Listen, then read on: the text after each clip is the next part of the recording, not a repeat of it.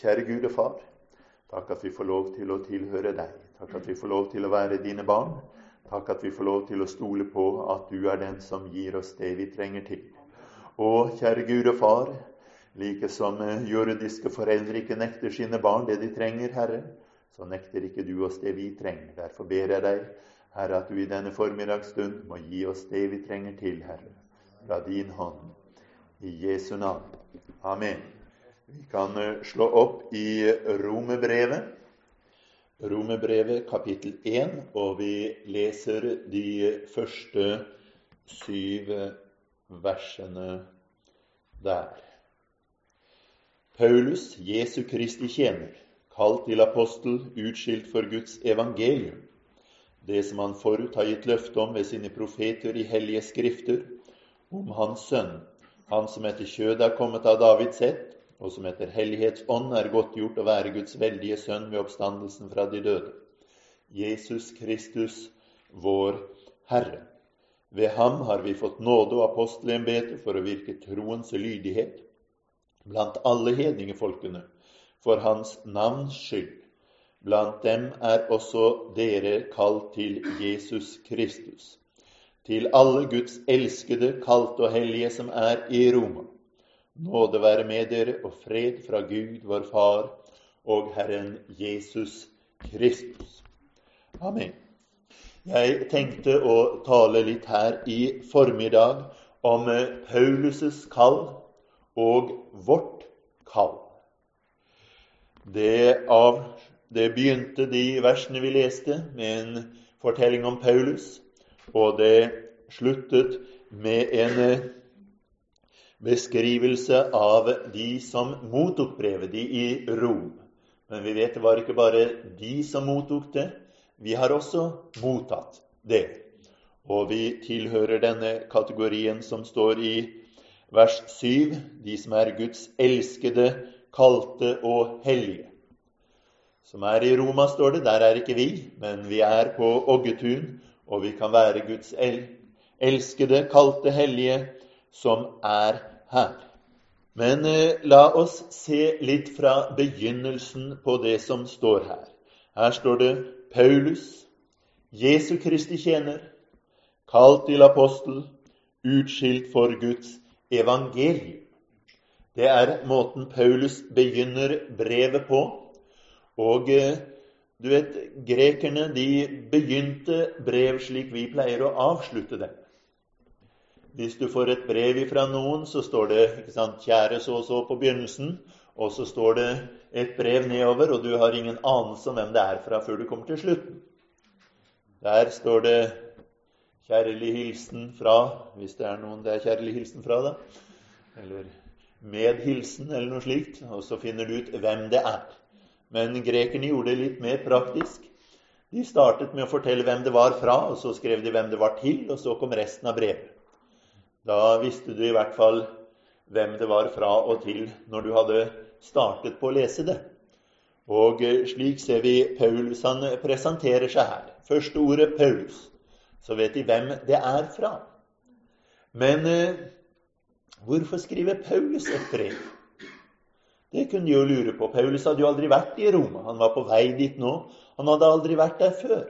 Så hvorfor skulle han skrive et brev til dem? Jo, han fortsetter med å presentere seg, slik at de vet hvem denne Paulus er, som eh, de får et brev fra. Og det gjør han på følgende måte. Han sier han er Jesu Kristi tjener, kalt apostel, og han er utskilt for Guds evangelium. Det var beskrivelsen han ga av seg selv, og da hadde han sagt nok til at de visste hva det var de hadde med å gjøre. Så denne selvbeskrivelsen som Paulus begynner med her i vers 1, det er ikke bare noen tilfeldige detaljer. Det er Paulus som her skriver til romerne nok til at de vet hva det er det dreier seg om. Hvem har skrevet det? Hvilken autoritet har han til å skrive det? Hvorfor skal vi høre på ham? Alt ligger i disse første tre beskrivelsene. Og når han da skriver, så skriver han ikke den som skal jeg si, er utdannet ved universitetet i Jerusalem, som er kalt av den og den komiteen, som er valgt av den og den generalforsamlingen til å skrive et brev til dere. Det er ikke noe slikt han kommer med. Han har sine kvalifikasjoner direkte ifra Gud. Så det er ingen menneskelige beskrivelser. Ingen beskrivelse av hans eh, opphav, av hans utdannelse, av noe som helst slik. Han eh, skriver kun om det som Gud har gjort med ham. Her står det altså Det første han sier, er at han er Jesu Kristi tjener. Han er Jesu Kristi tjener. Det er det han starter med. Med andre ord, han starter ikke med å fortelle hvor høyt han er. Han starter med å fortelle hvor lav han er. Og jeg vet ikke hva som er det første vi får lyst til å si når vi skal beskrive oss selv. Begynner vi med å fortelle hvor stor vi er, eller begynner vi å fortelle hvor liten vi er? Paulus' første beskjed var at 'jeg er en tjener'. Jesu Kristi tjener. Om du vil, Jesu Kristi slave. Jeg er den som ikke bestemmer noe selv. Jeg er den som ikke kan ta noen avgjørelser på egen hånd. Jeg er den som er underlagt ham. Det er det han ønsker, som betyr noe. Det er det han har bestemt meg for, som er viktig. Det er den jeg er. Det er det første Paulus sier her. Han er Jesu Kristi tjener. Deretter sier han at han er kalt apostel, men det aller første han kommer med, er sin tjenerrolle. Og der eh, kan vi se, hvis du ser på de forskjellige innledningene til brevene, så kan jeg bare kjapt gå igjennom disse, så ser vi at det står noe av det samme i alle sammen. I første Korinterbrev så begynner han med Paulus ved Guds vilje, kalt til Jesu Kristi, til Kristi Jesu apostel, og Sostenes vår bror. Så kan du si at ja, der sa han ikke at han var Herrens tjener. Nei, han sa ikke det. Han sa at han var kalt til apostel. Men så sier han at 'jeg er ved Guds vilje kalt til apostel'. Med andre ord, jeg er kalt til apostel fordi Gud vil det. Og som sagt, en tjener, en slave, er jo nettopp en som i alle ting gjør det Herren vil. Og det er det han sier her. Jeg er ved Guds vilje, Kristi Jesu apostel. Det var Gud som ville det slik. Jeg er en som automatisk følger Guds vilje. Og det er jo nettopp det som er en tjener. Videre i 2. Korinterbrev så er det det samme han sier. Paulus ved Guds vilje. Kristi Jesu apostel. Kommer vi til eh, Galaterbrevet, så står det igjen litt annerledes. Her sier han Paulus apostel, men så føyer han til ikke av mennesker eller ved noe menneske, men ved Jesus Kristus og Gud Fader som reiste ham opp fra de døde. Igjen så presiserer han at det han er, er han fordi Gud har satt ham til det. I Efeserbrevet igjen Paulus ved Guds vilje, Jesu Kristi apostel. Han er apostel, og han sier han er det ved Guds vilje. I Filippebrevet så står det Paulus og Timoteus, Kristi Jesu tjener. Der presenterer han seg ikke som apostel, men han presenterer seg som tjener, som slave. Og eh, det samme i Kolossebrevet så ser vi Paulus ved Guds vilje, Kristi Jesu apostel. Så Paulus han presiserer i alle brev, i det han åpner, at det han er, Det er ikke en som bestemmer, en som styrer, en som kommer i en maktposisjon. Han er en som er underlagt Guds vilje. Han er en som er det han er fordi Gud ville han skulle være det. Han er først og fremst en tjener. Han er først og fremst underlagt Jesus Kristus. Det er det fremste, og det er det viktigste for Paulus å bringe videre. Han hadde ikke hatt noe å si, er det som han sier, hvis jeg ikke hadde vært Guds tjener. Jeg hadde ikke hatt noen grunn til å skrive hvis jeg ikke hadde vært underlagt det Gud har satt meg til. Jeg er det jeg er fordi Gud vil det. Jeg er det jeg er fordi jeg har overlatt mitt liv i Herrens hender. Han bestemmer over meg. Han er min herre. Jeg er den som gjør det han vil. Det gjør at jeg er det jeg er. Vi var inne på litt i går om forvaltertjenesten, og om hvordan forvalteren han var en som ikke var detaljstyrt i alle smådetaljer. Men han var allikevel en som i alt han gjorde, hadde husbondens ve og vel fremfor seg.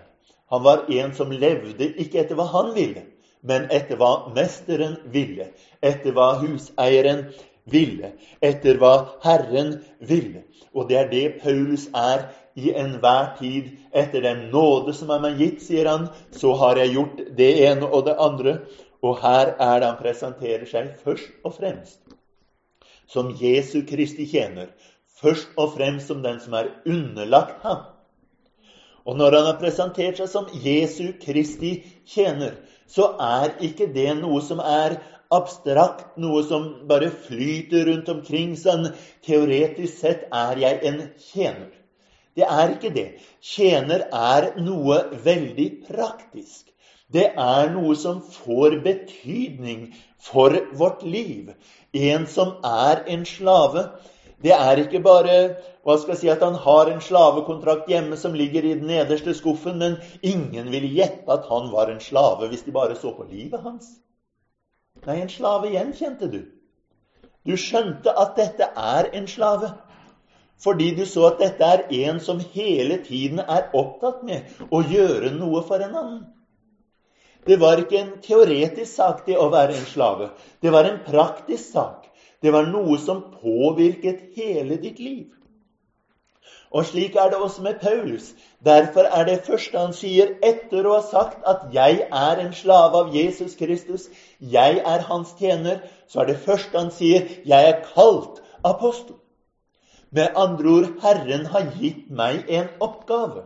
Ikke bare er jeg rent generelt kalt til å være en tjener. Jeg har fått en oppgave.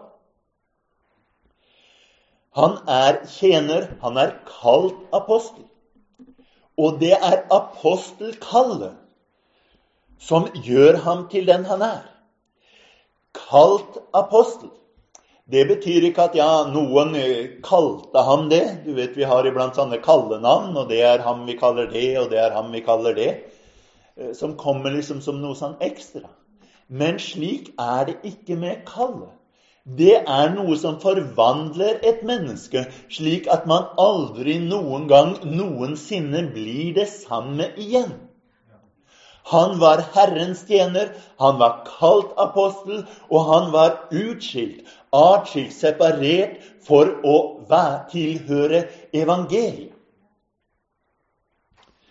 I enkelte oversettelser så står det her 'utvalgt til å forkynne Guds evangelium', men hvor forkynne står egentlig ikke der. Det var ikke forkynnelsen som var det sentrale. Han sier 'jeg er satt til side for evangeliet'. Jeg er atskilt for evangeliets del. Jeg er separert. Hans liv var blitt endret. Og det var et resultat av et kall han hadde fått. Kallet hadde forvandlet ham. Han var på vei til Damaskus. Hans plan var å forfølge Guds menighet. Herren kom ned til ham og ropte 'Saul, Saul'. Og idet dette ropet kommer ifra den levende Gud, når Jesus åpenbarer seg for ham der, så blir han et annet menneske. Den som kom fram til Damaskus, var ikke lenger en forfølger. Han var en forkynner. Det hadde skjedd noe. Han dro for å hindre alle som påkalte Jesu navn. Han dro for å fengsle dem, arrestere dem, få stanset dem. Men det kom et kall ifra den levende Gud som gjorde ham om til en som resten av sitt liv var opptatt med, å forkynne det han før forfulgte var opptatt med å få frem det han før forsøkte å få ned. Han skulle stanse de som påkalte Herrens navn. Nå var han ute for å utbre dette navnet. Og han sier endog at jeg, jeg drar ikke til steder hvor Jesu navn ikke er nevnt. Hvor, eller hvor Jesu navn er nevnt. Jeg drar der hvor det ikke er nevnt, slik at Jesu navnet kan nevnes på flere steder. Han dro ut for å stanse nevnelsen av Jesu navn, men i stedet så ble han en som utbredte Jesu navn. Der Paulus kom, der var Jesu navn nevnt. Han sier hvis det allerede er nevnt, Hvorfor skulle jeg dra dit da? Jeg vil dra til nye steder. Jeg vil dra til steder hvor Jesu navnet ikke er. Jeg vil sørge for å spre det utover. Han var blitt snudd om totalt. Og det skyldtes at han hadde fått del i et kall fra den levende Gud. Det er dette uttrykket 'kall' betyr. Og når Paulus snakker om et kall, så snakker han alltid om dette forvandlende kallet. Det er et generelt kall som går ut. Som Jesus sier at mange er kalt, men få er utvalgt. Det er det generelle kallet. Og når vi står og forkynner, og når du vitner for noen, så går det ut et generelt kall. Vi sier 'den som vil, kan komme'. Det er et generelt kall, eller en innbydelse, om du vil. Alle mottar innbydelsen. Men så er det dette som Paulus omtaler som kallet. Det er noe spesielt. Det er når det ikke bare er mine ord som kommer ut til deg, men det er når Herrens ord ligger bak forkynnelsen. Når Han kommer ut med sitt rop til deg og kaller deg. Og da skjer det det som skjedde med Saul på vei til Damaskus. Når han hørte Saul, Saul, så kunne han ikke bare fortsette. Han kunne ikke bare overhøre det. Det var noe som grep inn og endret ham i dypet av hans eh, vesen. Derfor så ser du også, etter at han har fortalt om Jesus Kristus her, i vers 2, eh, 3 og 4, så fortaler han jo om eh, hvordan fra Det gamle testamentet av så har man Så var det lovet om Jesus Kristus. Han forteller hvem han er. Men så sier han i vers 5.: Ved ham har vi fått nåde og apostelembete for å virke troens lydighet blant alle hedningefolkene for hans navns skyld. Med andre ord, han sier, 'Jeg har fått et apostelembete. Jeg har fått en nåde. Jeg har fått muligheten til å gjøre det jeg gjør, og det har en bestemt hensikt. Hensikten med det han gjorde, var for å få hedningene til å ha hva han kaller for en troens lydighet. Troens lydighet. Du vet, det, det består av to ord. Troens lydighet. Det er en lydighet, og det er en lydighet som tilhører og kommer av troen. Det er ikke en lydighet som er et resultat av at noen står med pisken bak deg og sier 'Nå gjør du dette, hvis ikke så'. Men det er noe som kommer av troen. Men det viser oss, han sier ikke at 'jeg er ute for å forkynne for at alle skal tro'. Han er ute etter noe som forvandler mennesker. Du vet, Jesus sa at 'lærer dem å holde alle ting'. Og her er det en troens lydighet. Paulus var ikke ute etter en teoretisk tro. Han var ute etter en praktisk tro. På samme måte som jeg sa, en tjener, en slave, det er ikke en teoretisk tittel. Det er en praktisk virkelighet i ditt liv. Dette kallet som Paulus fikk, var ikke en sånn teoretisk et slags kallenavn. Det var noe som forvandlet livet hans.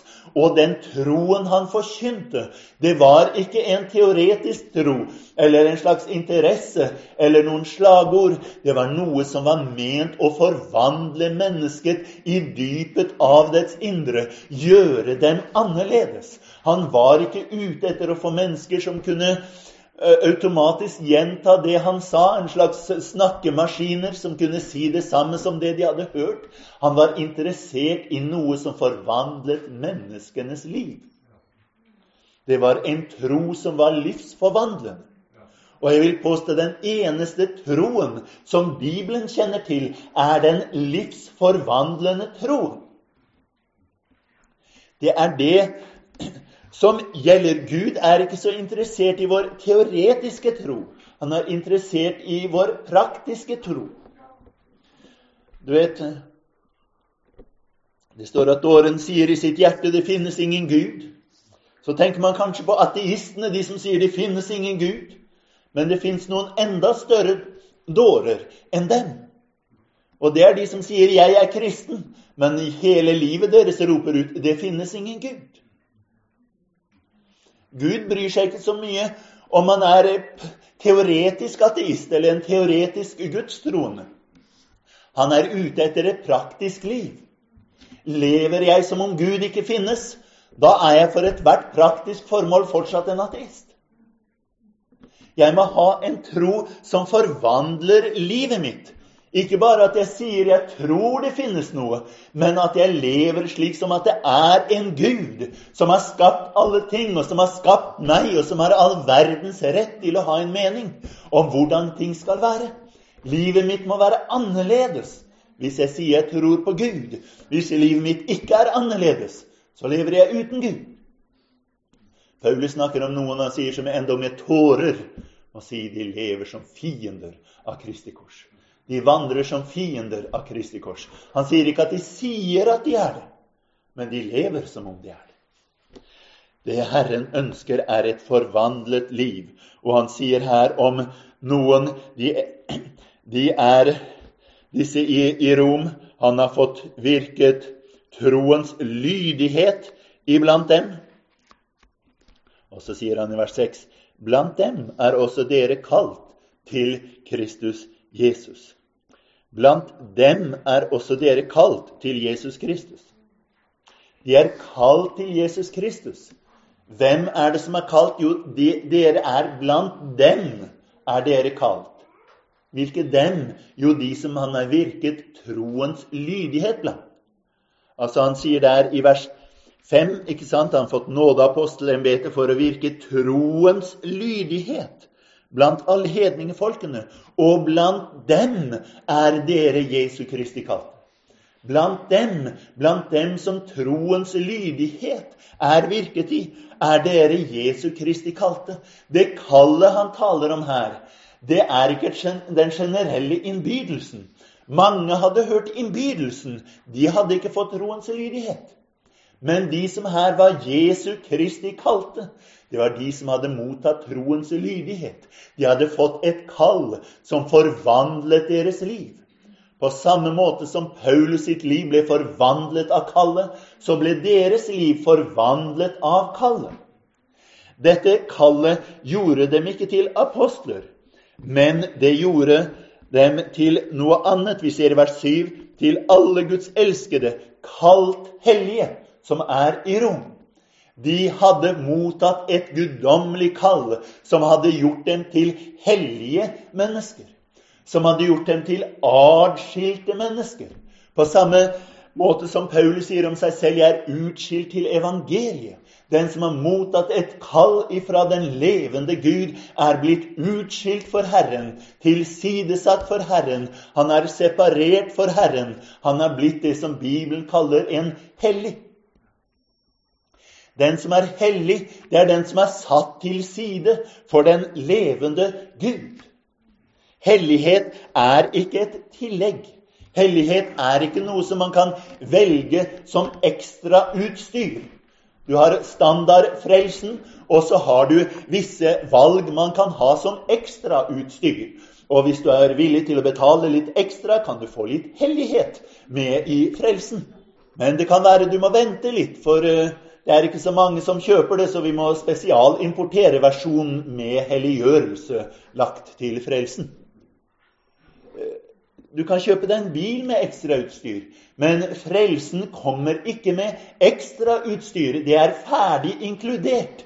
Kallet, det er til å gjøre mennesker hellige. Kallet er kommet for å ta deg ut ifra verden og sette deg over i Hans rike. Kallet er ifra mørket til lyset. Kallet er ifra Satans makt og til Gud. Kallet er ikke et sånt kallenavn du får. Det er en forvandlende erklæring ifra Herren. Jeg vil ha deg til å være i mitt rike, utvalgt, innsatt, den som lever for Herren, troens lydighet. Det er det kallet er til. La oss ikke lure verken oss selv eller andre til å tro at man kan kjøpe seg en minimumsfrelse, og så er alt annet ekstra tilleggsutstyr. Herren ønsker å gi oss en forvandlende frelse. Herren ønsker å komme inn i vårt liv med en guddommelig kraft, like sterk og mektig som den Paulus fikk på veien til Damaskus. Han ønsker forvandlede mennesker. Paulus ble et forvandlet menneske. Paulus ble annerledes. Gud vil det samme med oss. Han vil at vi skal bli annerledes mennesker. Han vil at vi skal bli forvandlede mennesker. Vi kan lese litt mer om kallet kanskje i 1. Korinterbrev, det første kapittel. Her ser du den samme vektleggingen av kallet. Vi kan se fra begynnelsen. Paulus ved Guds vilje kalt Jesu Kristi, Kristi Jesu apostel og Sostenes vår bror, til den Guds menighet som er i Korint, de som er hellige til Kristus Jesus. Og hvordan ble de hellige til Kristus Jesus? Jo, de er kalt hellige. Sammen med alle som på hvert sted påkaller vår Herre Jesu Kristi navn deres og vår Herre. De var helliget i Kristus Jesus. Og det var noe de ble ikke etter at jeg jobbet veldig mye for det, men det var noe de ble takket være et kall ifra den levende Gud, som tok dem ut ifra der de var, og satte de over i et nytt sted. Som tok de ut ifra dødens vei og satte de over på livets vei. Som gjorde at de begynte å gå i en annen retning. Som plasserte de i noe de ikke kunne gjort før. Og her er det at han sier i vers 24 Men for dem som er kalt, både jøder og grekere, forkynner vi Kristus, Guds kraft og Guds visdom. Du vet, Vers 23 sier han, men vi forkynner Kristus korsfestet. For jøder et anstøt, og for hedninger en dårskap. Det er den alminnelige reaksjonen når han forkynte. Så sier han, men for dem som er kalt. Ja, da er det jo opplagt at dem som er kalt, er ikke bare de som hørte en generell invitasjon. For de er jo omtalt i vers 23, når han forkynner Jesus Kristus korsfestet. Og de som da hører denne forkynnelsen, sier at dette er et anstøt eller dette er et dårskap, Vel, alle de opplevde en generell invitasjon. Men det er ikke det han snakker om her. Han sier at det er blant disse en spesiell gruppe, og det er den gruppen som er omtalt som de kalte. De kalte. Ikke de påkallende, ikke de som bestemte seg for å komme til ham, men de kalte, de som i den generelle invitasjonen mottok et guddommelig kall, de som fikk høre at dette er Herren, du vet Da Paulus var på vei til Damaskus, så kom det et lys ifra himmelen. Og folk så det. Det kom en røst ifra himmelen. De hørte at her var det noe. Men kun Paulus mottok kallet i det som skjedde. Alle de andre kunne si det skjedde noe. Men kun Paulus kunne si det kom et guddommelig kall. Alle de som satt på disse møtene Paulus beskriver her, kunne si vi hørte noe. Vi hørte et anstøt, vi hørte en dårskap. Men så satt det noen der for hvem denne forkynnelsen brakte med seg et guddommelig kall til. Og de kunne si vi hørte et forvandlende budskap. Vi hørte noe som endret hele vårt liv. Det er Guds kraft og Guds visdom. Noen satt der og sa som så at 'vi hører, vi hører, og det er et anstøt'. Andre sa 'vi hører, og det er en Guds kraft'. Noen sa 'vi hører, og det er en dårskap'. Andre sa 'vi hører, og det er Guds visdom'. Det som var forskjellen, var at det kom til dem et guddommelig kall som kalte dem og forvandlet hele deres måte å tenke på, deres måte å se på, deres måte å oppfatte ting på. De var Guds kalte. Derfor ser du også i det 26. verset så sier han der, brødre, legg merke til det kall dere fikk. Ikke mange vise etter kjødet ble kalt, ikke mange mektige, ikke mange av høyhet. Men det dåraktige i verden, det utvalgte Gud seg for å gjøre de vise til skamme. Og det som er svakt i verden, det utvalgte Gud seg for å gjøre det sterke til skamme. Her beskriver han kallet. Men se, han sier 'legg merke til det kall dere fikk'. Han sier ikke 'legg merke til hvem som ble kalt'. Ofte blir det fremstilt som om det var det som er det viktige. Legg merke til hvem som ble kalt, at det er de fattige og de stakkarslige som ble kalt. Men han sier det, det er ikke det som er poenget. Poenget er legg merke til kallet. Og når du ser deg omkring og ser hvem som ble kalt, legg merke til det kallet som utførte denne handlingen. Legg merke til den type kall som kan gå igjennom en forsamling og gå forbi de rike og til de fattige. Gå forbi de høye og til de lave. Gå forbi de mektige til de svake. Legg merke til den type kall. Det type kall som ikke bryr seg noe om hvilken posisjon du har i verden. Det kallet som ikke bryr seg noe om hvordan mennesker ser på deg. Det kallet som ikke bryr seg noe om hvor stor du synes du er men det kallet som kommer inn og griper tak i nøyaktig hvem de vil, uten at noe menneskelig har noe å se. Legg merke til kallet. Se deg rundt, se på de som har blitt frelst, og legg merke til kallet. Hvorfor ble han frelst? Hvorfor ble hun frelst? Det skjedde takket være et guddommelig kall. Legg merke til kallet. I det øyeblikk vi ser oss rundt omkring og sier at ja, han ble frelst, og det skyldes jo at han kommer jo fra en riktig god familie, han kommer av god avstamning, han har høy utdannelse. I det øyeblikk så er vi ikke lenger en Guds menighet. I det øyeblikk vi sier som så at ja, de er frelst fordi at de har gjort så mye godt, eller fordi at de kommer fra en god bakgrunn, i det øyeblikk er vi ikke lenger en Guds forsamling. Men en Guds forsamling, det er forsamlingen av de kalte. Derfor står Peter frem på pinsedag og sier at løftet hører deres til, og deres barn, og så mange som er langt borte fra dere. Alle dem som er langt borte fra dere, så mange som Herren, vår Gud, kaller til. Det tilhører alle de som mottar det guddommelige kallet. Fylden av Ånden, fylld av herligheten. Alt hva Gud har å gi, den tilhører den som mottar det guddommelige kallet. Den som mottar Herrens invitasjon til forvandling i livet. Legg merke til, legg merke til dette kallet. Ikke bry deg så mye om menneskene, men legg merke til kallet. Ikke bry deg så mye om hvem som er hva, eller hvem som gjør hva, men legg merke til kallet. La det være det man sitter igjen med. Det finnes et allmektig, guddommelig kall som kan gå igjennom hva som helst. Hvis du ser en som pleide å ligge i rennestein, vær ikke opptatt med at han pleide å ligge i rennestein, men vær opptatt med det finnes et guddommelig kall som kan reise en mann opp ifra rennestein. Hvis du ser en som pleide å bruke narkotika, vær ikke opptatt med at de pleide å bruke narkotika, men vær opptatt med at det er et kall som kan nå inn til en slik person og forvandle dem til noen som ikke er avhengig lenger av hva denne verden ga dem, men som er avhengig av å leve for Herren. Når du ser en eller annen direktør komme, vær ikke opptatt med at vi har en direktør iblant oss. Vær opptatt med at det er et guddommelig kall som kan få selv en direktør til å si at det er noe som er viktigere enn det jeg holder på med. Det er å komme sammen med Guds enkle vandringsmenn og få oppleve Jesu Kristi tilstedeværelse.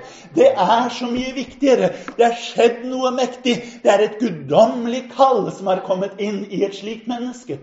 Det er det som vi er ute etter. Det guddommelige kall. Og Paulus sier det er det som er viktig for meg. Det er det som jeg er opptatt med. Det er det som gjelder også for dere. Jeg er mottatt et kall, og all min virksomhet det er å bringe ut forkynnelsen, slik at kallet kan nå ut til flere mennesker. Mange hører invitasjonen, men blant alle som hører invitasjonen, er det noen som opplever et direkte kall ifra den levende Gud, og det er det som frelser dem. Jeg tror ofte så glemmer vi dette kallet. Vi glemmer makten i kallet. Vi begynner å se på våre egne ord. Vi begynner å se på hvor flink er vi til å forkynne. Og så tenker vi som så at ja, i dag er det bare han som forkynner. Han er ikke særlig flink. Vi kan ikke invitere noen til å høre han. Og nå har vi bare et vitnemøte. Da kan vi i hvert fall ikke invitere noen. Og skulle han få høre det, måtte jeg vitne for ham. Og jeg kan jo i hvert fall ikke si noe. Men det er noe som heter et kall ifra det levende Gud. Og når vi forkynner ordet, så er det noe som kan skje. Ikke bare går det ut en invitasjon fra vår munn, men det kommer et kall ifra den levende Gud. Og der nede kan det sitte en eller annen som plutselig får høre, som et lynglimt fra himmelen, Saul, Saul, hvorfor forfølger du meg? Plutselig kan et menneske få høre, Kom til meg nå! Og de reiser seg opp og kommer jeg aner ikke hvorfor. Ofte så kan man ha de dyktigste predikanter til stede, og ingenting har skjedd. Og så kommer en eller annen tvilsom fyr, og så plutselig skjer det noe. Hvorfor? Fordi Gud bryr seg ingenting om slike ting. Han virker gjennom sitt kall. Han kan virke til og med gjennom deg. Så utrolig enn det kan høres ut. Gud, hans kall er overnaturlig. Hans kall er av en annen verden. Hans kall kommer og forvandler. Legg merke til kallet. Legg merke til kallet. Ikke legg merke til det mennesket som var med å bringe frem budskapet. Det er ikke så viktig, men legg merke til kallet. Legg merke til hva som skjer når kallet kommer frem.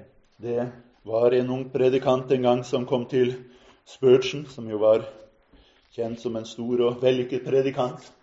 Og han kom og sa til ham at jeg noe galt med min tjeneste. Sånn. Det, det blir, syns ikke det blir så mange folk frelst på mine møter. Vel, sa Spurgeon til ham, du forventer vel ikke at folk skal bli frelst hver gang du åpner munnen? Nei, sånn selvfølgelig ikke. Nei, sa Spurgeon, det er det som er problemet. Hva var det han mente med det? Denne mannen var opptatt med sine ord og hadde glemt å være opptatt med den levende Gud.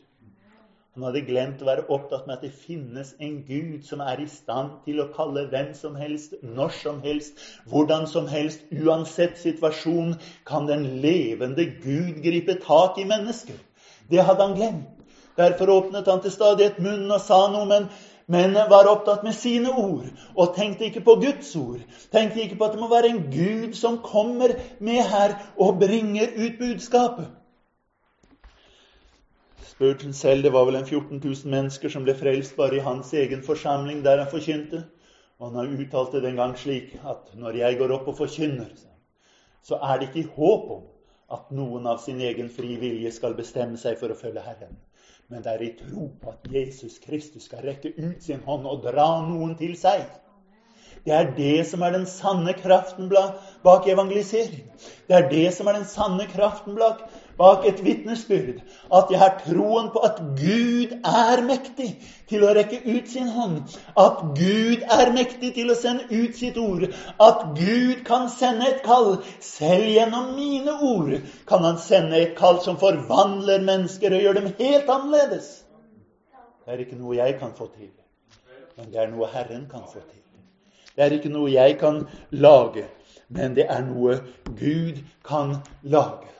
Paulus sier at jeg, jeg er en Herrens tjener. Jeg er utskilt for, utskilt for evangeliets skyld. Jeg er satt til side for Herren, og det skjedde takket være et guddommelig kall. Kallet kom til meg, og det forvandlet en forfølger til en forkynner.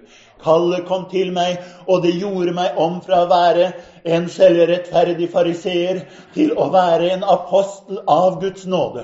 Kallet kom til meg og gjorde at jeg som var en motstander av Herren, som forfulgte Guds menighet, plutselig ble ikke bare frelst, men satt til å utbre Guds menighet, og satt til å skrive halvparten av Det nye testamentet, satt til å være den som brakte ordet og åpenbarelsen ut overalt. Kallet kom, og jeg ble fullstendig, totalt annerledes. Men vi hører også med blant de kalte i Jesus Kristus. De hørte med til de som Jesus Kristus har kalt. Og om dem så sier han, dere er Guds elskede, kalt hellig. Det er godt å høre til den første gruppen. Det er ikke lett å komme til den andre hvis vi ikke er i den første. Guds kjærlighet. Han sier det er det som ligger bak det. Gud elsket dere. Han skriver til menigheten i Roma sier at dere er Guds elskede. Og så er dere kalt hellige. Dere er Guds elskede, men hellighetskallet har så gått ut til dere fordi dere er Guds elskede. Det er ikke en streng, hatefull Gud som forlanger at vi skal leve rett for ham. Det er en elskende Gud som har sendt sitt kall til oss, som forvandler oss, som gjør oss til annerledes mennesker, som skaper i oss en lengsel og en trang etter å leve for ham. Hva skjer med deg når kallet kommer til deg? Du kan si ofte så kan vi gå rundt i vårt hverdagsliv, og du kan være opptatt med det ene og det andre. Du kan sette deg ned og se på TV-en og, og, hva du enn måtte holde på med. Det gjør ingen mirakler for ditt hellighetsliv. Men så kan du sette deg ned med Guds ord. Så kan du bøye dine knær innenfor den levende Gud. Så kan du komme på et møte og høre forkynnelsen som bringer frem ordet inn i ditt liv. Og så kjenner du at der er det et kall som kommer. Det var ikke bare de ordene predikanten sa, men det var det kallet som fulgte med. Det var ikke bare det vitnesbyrd som den ene og den andre sa på vitnemøtet, men det var et guddommelig kall som kom med i det vitnesbyrdet.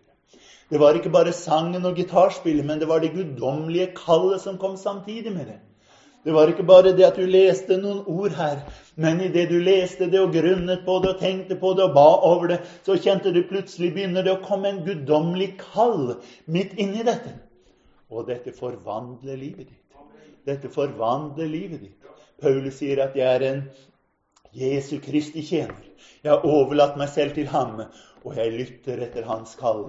For kallet hans, det kommer tak til meg, griper tak i meg, forvandler livet mitt. Åssen er det med deg? Har du fått del i dette guddommelige kall? Har du fått del i hans kall? Dette kallet, det kommer ikke når jeg sitter foran TV-en. Dette kallet det kommer ikke når jeg er ute i verden. Dette kallet det kommer først og fremst når jeg søker Herren. Hvis du ønsker å få mer av Hans kall, så søk etter mer av Hans nærvær. Det er større mulighet for å få kjenne Herrens kall her enn å få kjenne det hvis du går ut i verden. Paulus mottok kallet på Damaskus vei. Ja visst, mange har mottatt kallet her og der. Men kallet bringes først og fremst ut når Herrens ord forkynnes, når Herrens ord bringer frem. Det er det som er det middelet Gud vanligvis bruker til å sende sitt kall. Har jeg mottatt Hans kall, så søk mer og mer av Herrens kall.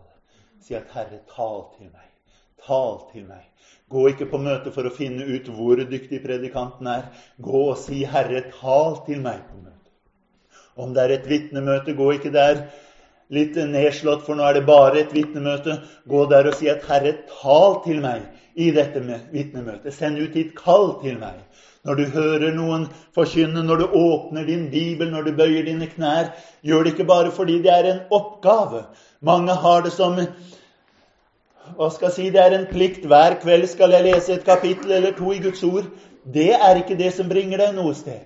Det som bringer deg noe sted, er når du sier, 'Herre, kall til meg gjennom ditt ord.' 'Tal til meg gjennom ditt ord.' La det komme noe som griper tak i meg. Og Herren, han er den som kommer til oss. Han svikter ikke. Og hvis du skulle være her og aldri ha møtt Guds kall, så vend deg til Herren og rop på Ham. Du kan ikke frelse deg selv, men rop på Han at Han må kalle deg. Rop til Han at Han må ta tak i deg. Rop til Han at Han må gjøre noe med livet ditt. Du klarer aldri å få gjort noe på egen hånd. Vi trenger et guddommelig kall. Vi trenger et forvandlende kall. Det er du Gud ønsker å gi oss. Har vi fått del i det forvandlende kallet? Det er det som må være det viktigste i våre liv. Rop til Herren og si at 'Herre, tal til meg, du'. Tal, Herre, din tjener hører, var det en som sa en gang. Og det samme må bli vår avgjørelse. Jeg sier, 'Herre, tal'. Herre, tal til meg. Herre, la meg få høre din røst. La meg få høre at du kommer inn i mitt hjerte. La meg få se at du forvandler mitt liv. Amen.